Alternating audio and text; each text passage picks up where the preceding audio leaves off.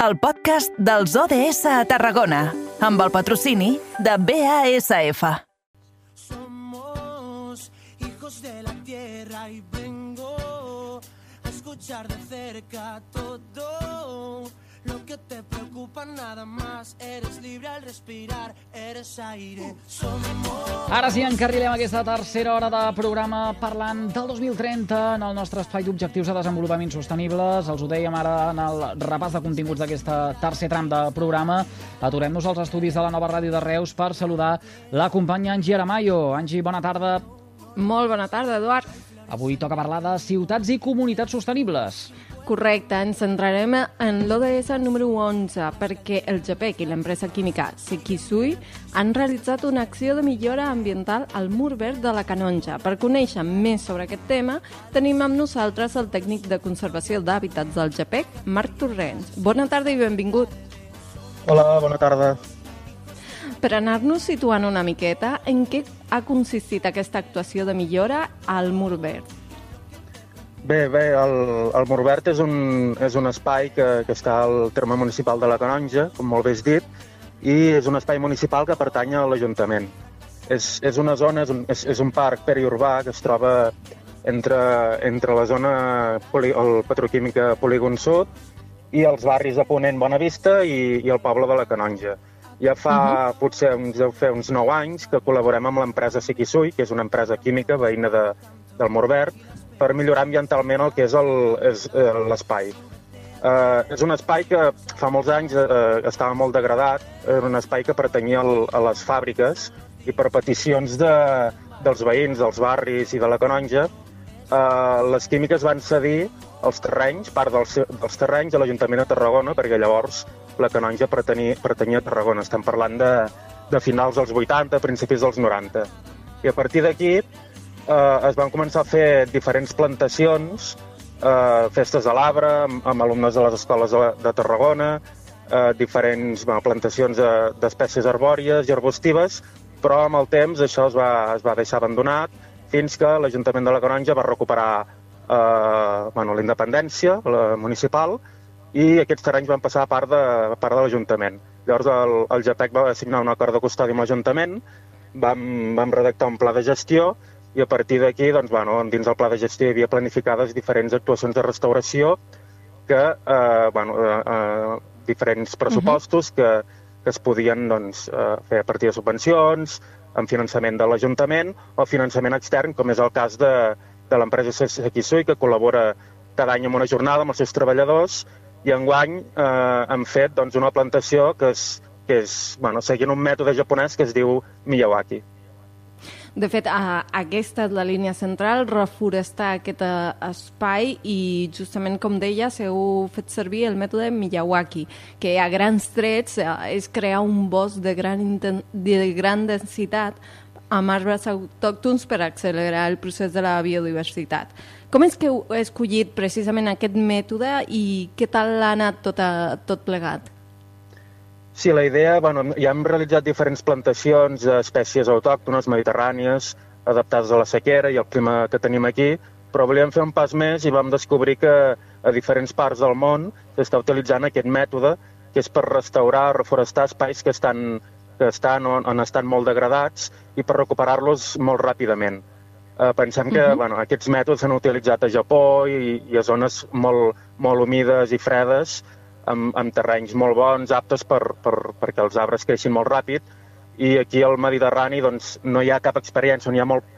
En coneixem una Sardenya, que ha tingut un èxit relatiu, i bueno, aplicar aquest mètode al, al sistema mediterrani és un repte perquè bueno, aquí els, les condicions del medi són molt diferents, terrenys, sols molt prims, molt, molt empobrits, matèria orgànica molt pobra, nutrients bueno, insuficients per, per segons quines espècies.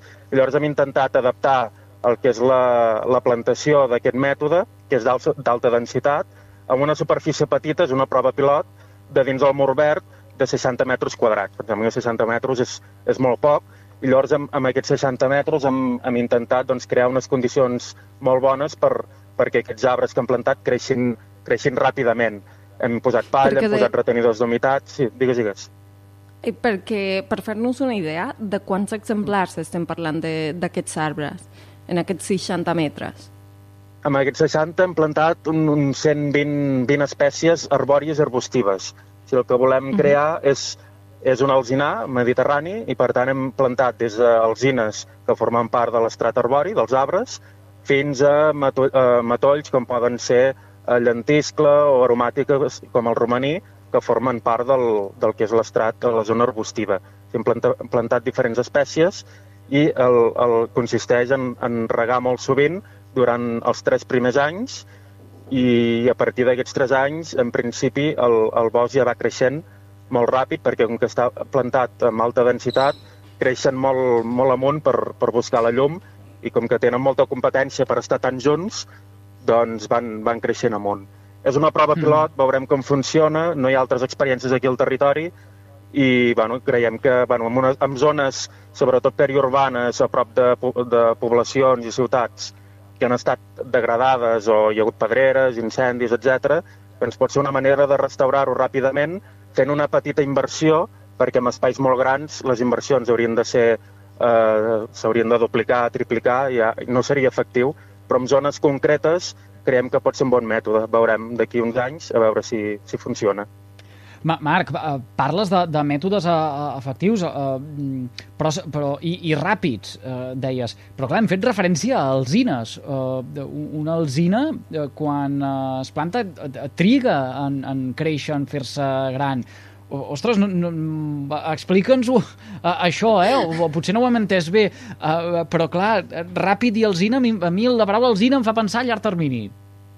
Sí, sí, l'alzina és una espècie de creixement lent, eh, molt mediterrània, típica de zones forestals, que creix bueno, al seu ritme, però el que volem és accelerar-ho, o sigui, no creixerà tan ràpidament com poden ser espècies de creixement ràpid com els pollancres o espècies de, de boscos de ribera, com els àlbers, que creixen, tenen aigua constant i sols molt profuns i poden créixer molt ràpid, eh, però accelerarem el, el procés. No creixeran tan ràpid com aquests, però el ritme serà més elevat perquè haurem aportat molts nutrients i haurem millorat el sol eh, en aquest sentit perquè eh, puguin créixer més ràpid del que ho farien en un espai forestal concret on, on té sols prims, eh, falta de pluviometria, que és el, un dels problemes que ens anirem trobant eh, cada vegada més. Llavors sí que creixerà més ràpid, però tampoc ens pensem que serà dir, molt, molt més ràpid de, del, del que ho pot fer una alzina, en, encara que estigui en molt bones condicions.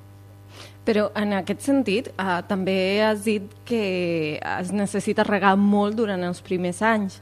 No sé si ara, amb aquesta situació que estem patint per la pluja, us està posant també contra les cordes.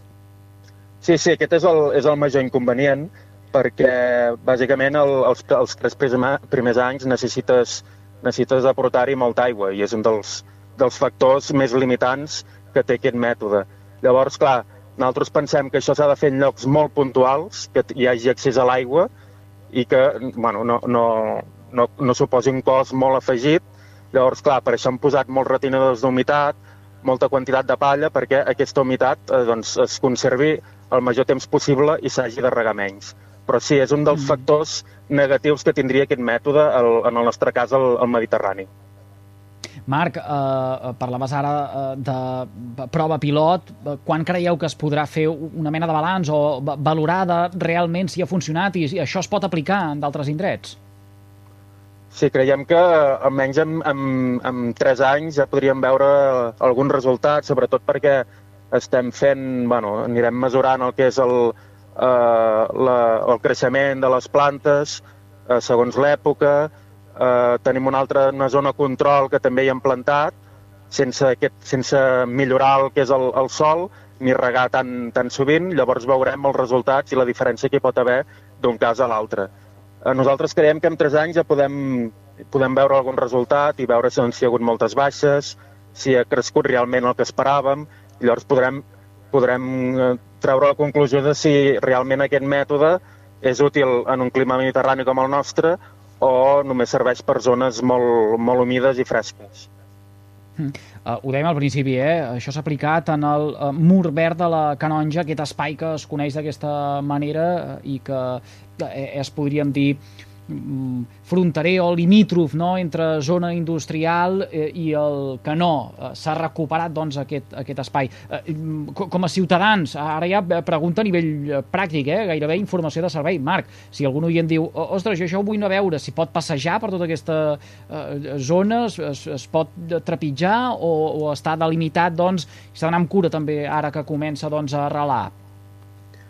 No, no, i tant. És, de fet, és el que volem, perquè és, és un espai, és, és com un parc periurbà que té més de 40 hectàrees, vull dir que és, per ser una zona urbana és, és, és, molt, és molt gran, i hi ha diferents racons, vull dir, eh, hem creat en un espai aquest, aquesta zona de, del bosc de Miyawaki, que hi hem col·locat un cartell, o sigui que és, que és visitable, i llavors en altres espais, a banda de fer plantacions, hi ha una zona que hi ha, que hi ha una zona d'aromàtiques, hem, hem creat també ja fa uns anys una, un, una, una, una, un estany per amfibis, amb, amb refugis per ratpenats, plantacions de fruiters, fins i tot hem, hem creat una xarxa de senders perquè la gent doncs, es pugui eh, passejar per dins del mur verd sense perdre's, seguint, seguint un, un, un, uns camins delimitats i de fet a les entrades que hi ha, doncs, hi ha uns cartells amb tot el plànol, informació del mur verd.